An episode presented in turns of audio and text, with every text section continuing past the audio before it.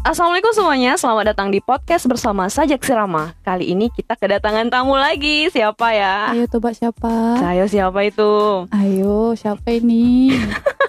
Baiklah, kita sambut aja nih Selamat datang Kak Feby Halo. Apa kabar nih Kak? Alhamdulillah sehat. Eh, Uh, kenal belum sebelumnya namanya siapa? Feby, Baby apa? Feby Febrina Eh. Iya, Detailnya detailnya capek di sekolah. SPD GR Oke. Eh. Tepuk tangan uh. Oke, apa sih? Iya, Ayo. kegiatan sekarang ngapain aja Kak? Alhamdulillah sekarang kerjaannya banyak. Yang pertama yang pertama-tama itu jadi bu rumah tangga dulu ya. Iya. Eh, kalau kerjaan orang tua itu pasti ngurus anak, ngurus suami, ngurus rumah. Dan yang selanjutnya yaitu eh, ngajar, eh, kerja di sekolah, jadi pendidik, ngajarin anak-anak ya yang belum bisa jadi bisa, yang udah bisa jadi makin bisa gitu. Iya. Jadi kan sebelum pandemi itu apa perbedaan ngajar di sebelum pandemi dan di saat keadaan sekarang ini Kak? Ya alhamdulillah eh, walaupun pandemi eh, kita harus bisa nyesuaiin diri.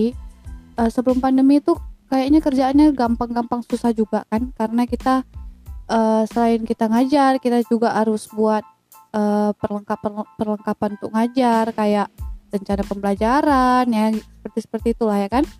Tapi semenjak pandemi ini kerjaan yang banyak yang makin banyak ya, eh, harus bisa kita kerjakan juga nggak boleh kita tumpuk-tumpuk ya paling nggak misalnya yang seperti anak-anak ah, apalagi kayak kakak spesifiknya ngajarin anak kelas 2 SD yang sekarang ini mungkin susah eh, karena makin kecil anak makin harus dekat gurunya sama anaknya ya kan Iya bener Eh, sementara itu secara pandemi kita lihat harus jaga jarak.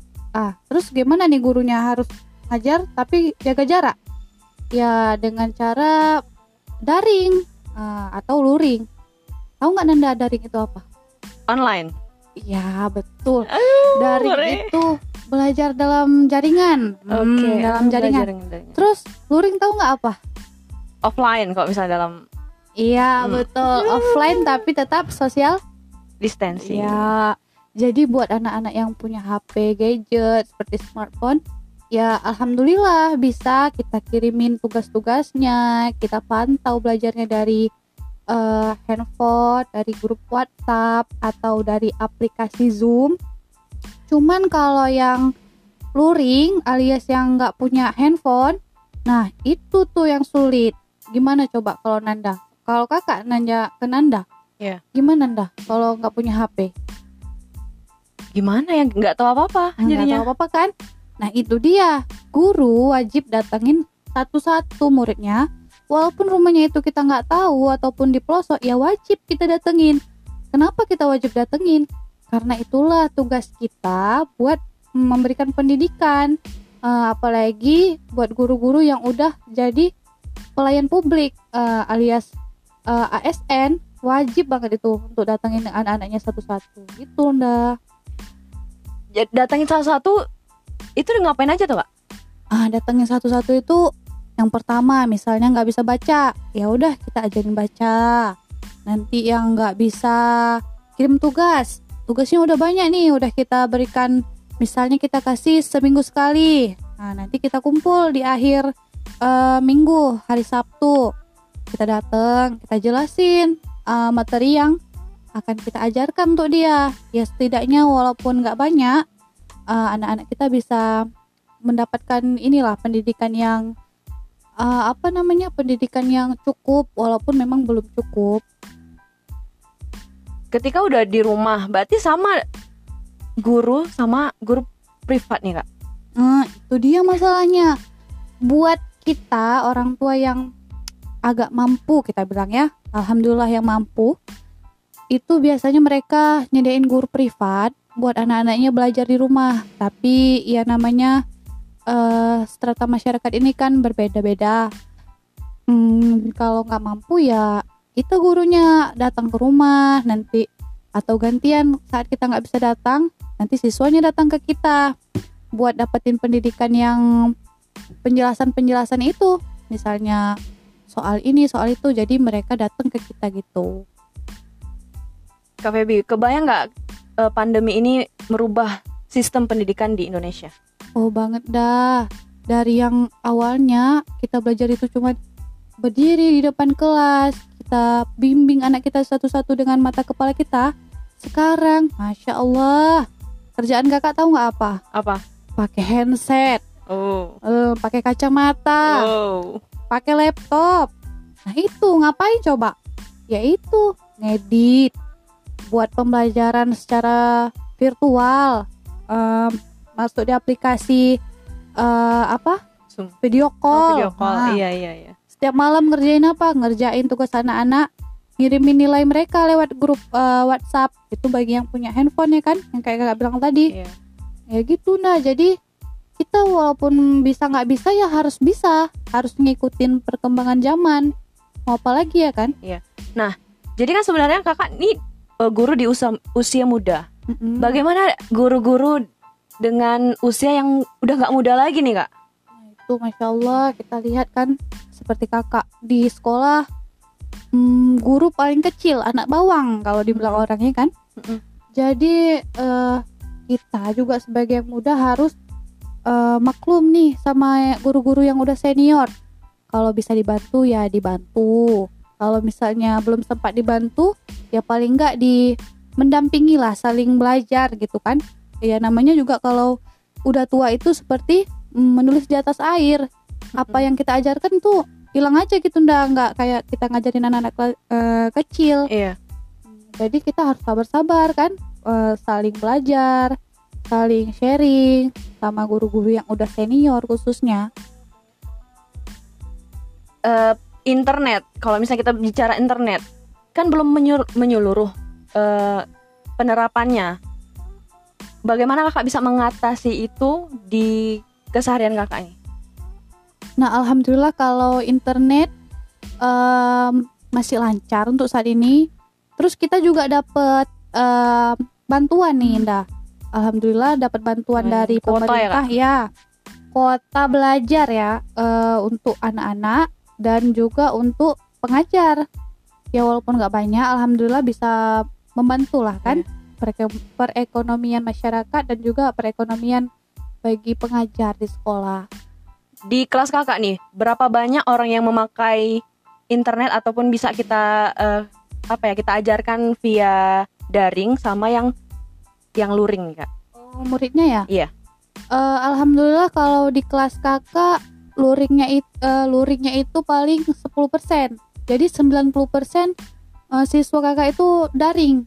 Nah, jadi kalau yang pun nggak punya handphone, mereka berusaha gitu ndah. Iya. Entah pinjam sama tetangga, Iya. pinjam sama abangnya, kakaknya.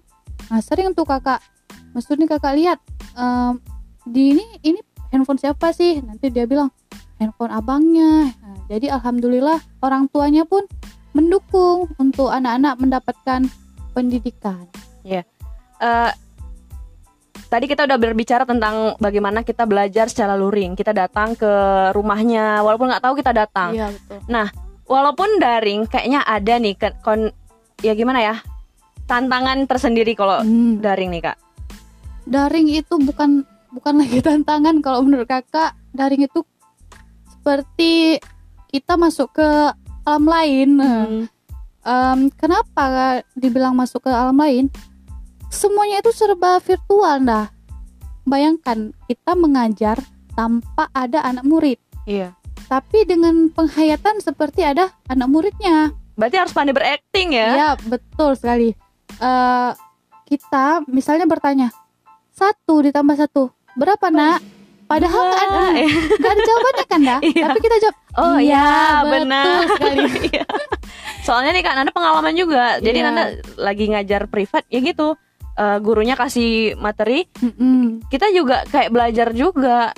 Iya betul. Kita secara nggak langsung iya. kan kita ikut ke pembelajaran dia itu oh ibu ini nanya ini ya kan Iya iya. Nah.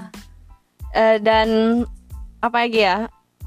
Gimana nih kak? Tipikal orang tua pasti kan kita di handphone orang-orang tua cek iya kan be- beda-beda itu kan Iya, kita betul. ngirim kebanyakan anak kelas 2 SD kan nggak punya HP pastinya betul. banyak pakai HP orang tuanya nah gimana nih respon orang tua dalam pembelajaran daring ini Iya, alhamdulillah eh gimana pun harus kita syukurin ya, Nda. Iya. Walaupun gede, kesel, senang.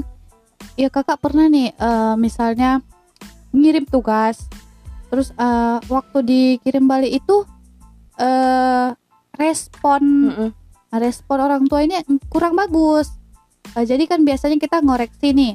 Nah, misalnya si A dapat nilainya 80, Iya. si B dapat nilainya 40. Nah, otomatis kan dilihat nih sama orang tuanya langsung. iya Yang biasanya orang tuanya lihatnya di rumah, eh, sekarang lihatnya kan dari HP. Jadi pernah kejadian itu orang tuanya negur, Bu, anak saya kok sekian sekian sekian nilainya. Nah gitu kan. Jadilah eh, di situlah titik eh, apa masalahnya.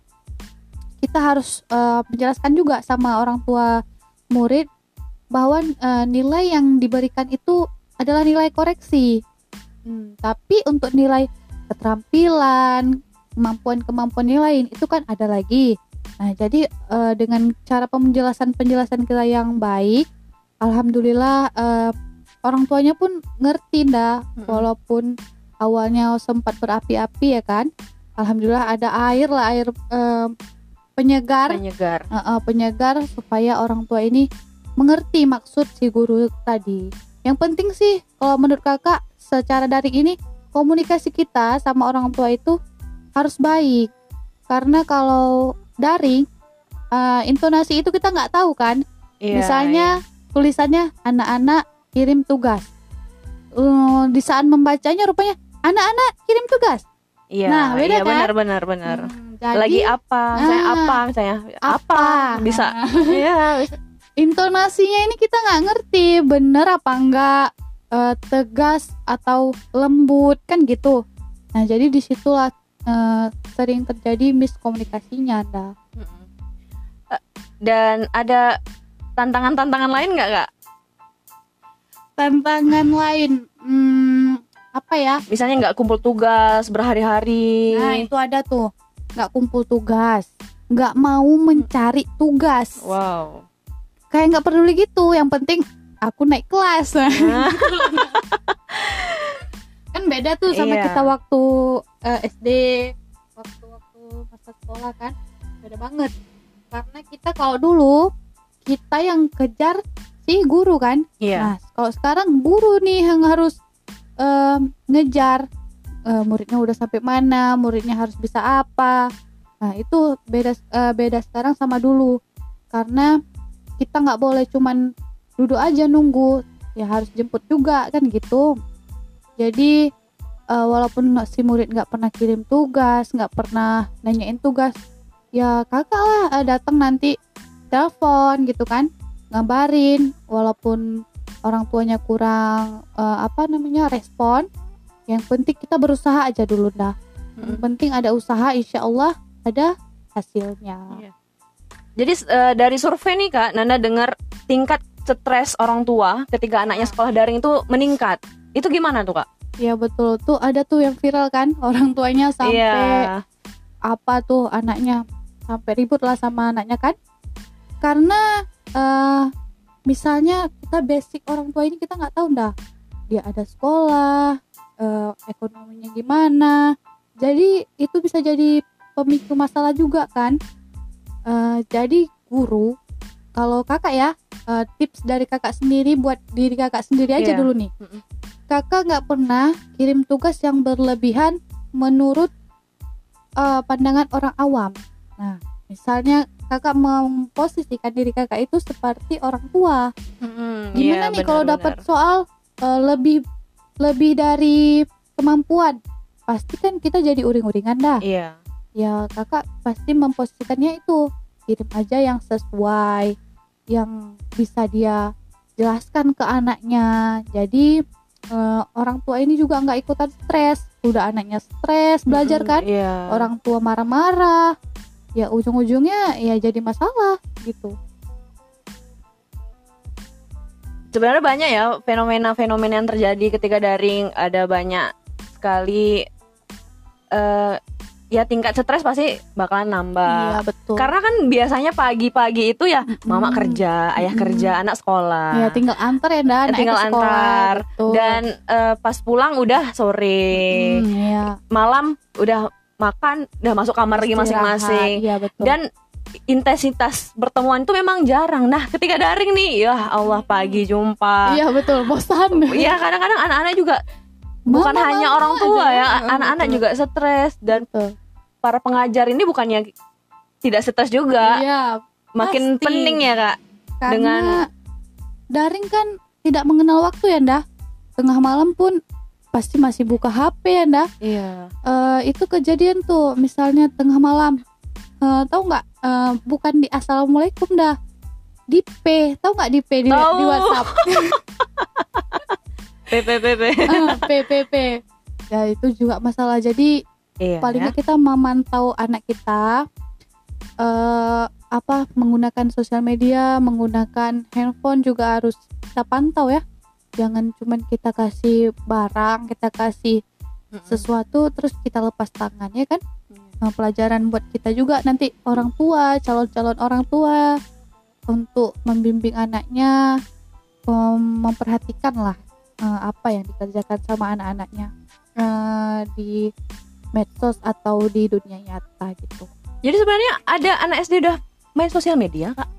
Oh Oh, coba tuh Nanda buka aplikasi yang joget-joget. Oh iya iya iya. pasti banyak kan mm, anak-anak yang anak-anak itu sebenarnya lebih pintar dari kita. Iya. dia lebih cepat nangkap. Ya cuman terkendala sama fasilitas aja. Nah jadi itulah kalau kita kasih fasilitas tetap harus kita pantau. Nggak bisa kita lepas tangan gitu aja kan dah. Karena kita lihat anak umur 10 bulan aja udah bisa buka YouTube ya kan Wow. udah Dengan Lancar. kebiasaan yang Mm, yang dia lakukan ya sehari-hari dengan orang tuanya. itu udah jadi makanan sehari-hari kan Biasanya kan biasanya nang anak-anak nangis itu langsung memang disodorin cek di handphone handphone. Soalnya jangan ya. Iya kalau alhamdulillah kakak udah punya anak satu walaupun Mm-mm. masih kecil. Ya kalau dia nangis pasti itu stres buat orang tuanya ya kan dah. Iya. Lagi makan anak nangis. Nah itu kita harus bisa mengontrol eh, emosi kita, kita ngontrol em, apa yang kita lakukan. Jangan jadi eh, korban untuk anak kita atau anak orang lain. Misalnya ah biar aja kasih HP biar dia tenang. Seben, eh, kalau menurut kakak itu bukan tenang, itu menjadikan suatu bom, bom, Bom waktu ya? bom waktu. Nanti pasti akan meledak sendiri. Karena apa? Itu bukan penyelesaian masalah, itu adalah pengalihan masalah, dah. Anak nangis, kita kasih HP, selesai nggak masalah? Nggak selesai, itu cuman pelarian aja HP-nya tadi. Nah kalau kakak biasanya kalau anak udah mulai mengambil HP ya pasti kan semua orang pasti punya HP sekarang kan? Iyalah, ada apalagi daring gini. Ha-ha. HP tergeletak di mana-mana. Kalau dia udah ngambil HP, kakak langsung mm, minta pertama. Eh, walaupun dia belum ngerti nih, belum bisa bicara kan? Iya. Pertama diminta, terus ditukar ke barang yang lain. Misalnya kakak tukar sama roti, kakak Hmm. tukar sama mainannya yang sesuai umurnya. Alhamdulillah, pelan-pelan dia pasti ngerti.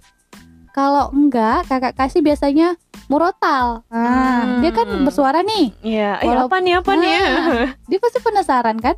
Nah, itu kita tukar pelan-pelan. Jangan kita rebut ya kan? Jadi dia penasaran kenapa aku nggak boleh ya dalam Iya, hati dia. ya? Betul. Makin penasaran, penasaran, makin dibuat lagi. Iya, betul. Biasa anak gitu tuh. Kita aja gitu ya, Nda? Jangan lari, Nah. Nak. Nanti Pasti jatuh. Makin lari, makin kencang. Iya betul. Apalagi seorang ibu, seorang guru itu eh, kata orang mulutnya itu kata-katanya itu doa, mulutnya Iya. itu asin. Ya kok bisa kita keluarin yang bagus-bagus supaya hasilnya juga jadi yang bagus ya kan? Iya. Nah, walaupun ya bunda-bunda sekalian ya walaupun daring anak intensitas dia bersama handphone juga eh, sering Ya. itu jangan lupa tuh dipantau karena ya ini Nana kasih perumpamaan nih. Mm-mm. Misalnya kakak, kakak punya anak kan satu kak. Ya. Ya, siapa namanya kak? Sabar, sabar. Sabar, sabar. Nah, kalau sabar umur kita bilanglah satu tahun ya kalau kakak bawa di maksud dia pergi naik becak ke pajak kakak Mm-mm. kasih nggak sendirian sendirian nggak mungkin misalnya nih kakak kasih kalau sendirian pasti kakak nggak kasih nggak kasih kak nggak kasih tapi dengan HP Mm-mm. dia bisa berselancar ke Iya. seluruh dunia Betul. dan itu tidak didampingi merinding nih sampean Iya, tidak betul. didampingi dengan orang tua orang tua bahkan memberikan gitu Iya, maksudnya. betul. maksudnya begitulah sekarang ya fenomena dunia sekarang. dengan dalam genggaman kita. betul dah itulah yang menjadi tantangan ya bukan cuma tantangan eh seperti dulu orang tua kita tantangannya cuma culik penjahat iya, ya dah benar, sekarang tantangannya udah mulai ke otak langsung ya Otak, dah langsung lah. Udah lebih parah sih lebih parah lagi. Kalau misalnya di, penggunaannya tidak tepat Iya betul. Jadi penggunaannya juga harus diawasi, di apa dibimbing ya.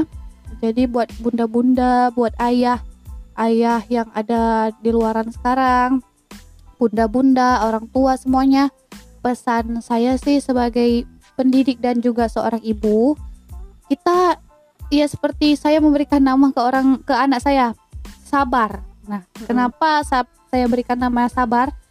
Karena sabar adalah kunci dalam hidup kita. Hmm, saya sedikit tersentuh kenapa eh, masalah itu dapat diselesaikan dengan sabar. Banyak masalah, besar kecil masalah, kita sabar. Pandemi sekarang juga kita harus sabar.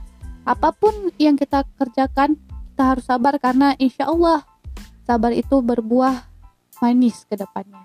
ya walaupun Betul. memang saat ini memang harus ya kita jalani terus Iya, apa betul. jalan dulu Life must go on ya dah. Ih, sedep dan juga eh, kepada nih orang tua orang tua Mm-mm. jangan melampiaskan kemarahan walaupun memang anak itulah dia punya dunianya Iya, masing-masing betul. bagaimana kita orang tua bisa membuat nyaman dia di rumah Iya, betul.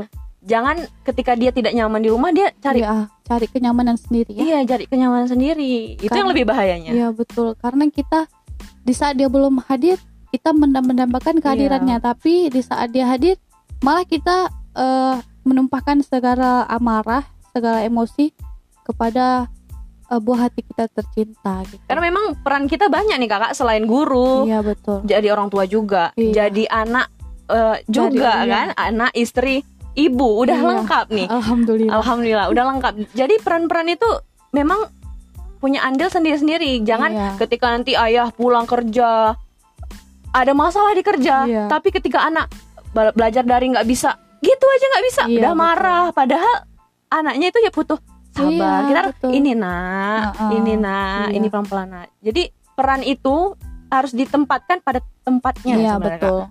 Karena kita percuma kan cari uang banyak-banyak tapi mental dan eh, hati anak kita udah hancur karena luapan amarah tadi, kecapean ya Kak. dah.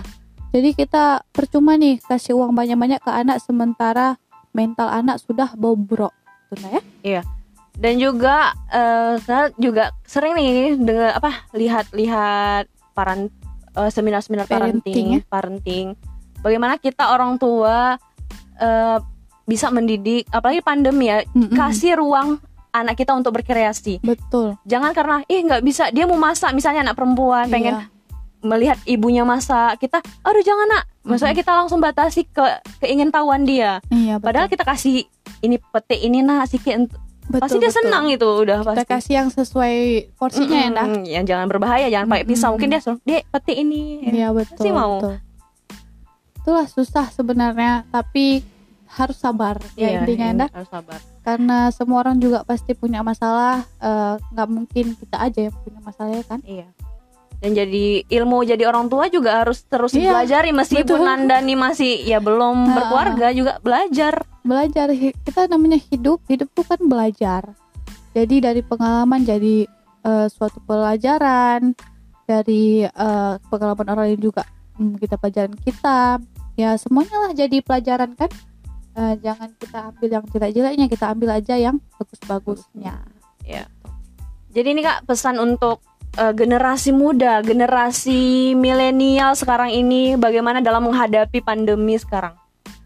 Ya buat eh, generasi muda termasuk kita semua yang merasa masih muda dan berjiwa muda ya khususnya walaupun umur udah mm, mm, mm, mm, ah, Ah. tapi kita tetap harus ye ye ye ya kan Mm-mm. Eh, tetap semangat belajar walaupun eh, kita udah kulit kita udah keriput mata kita udah lamur kita tetap harus semangat belajar.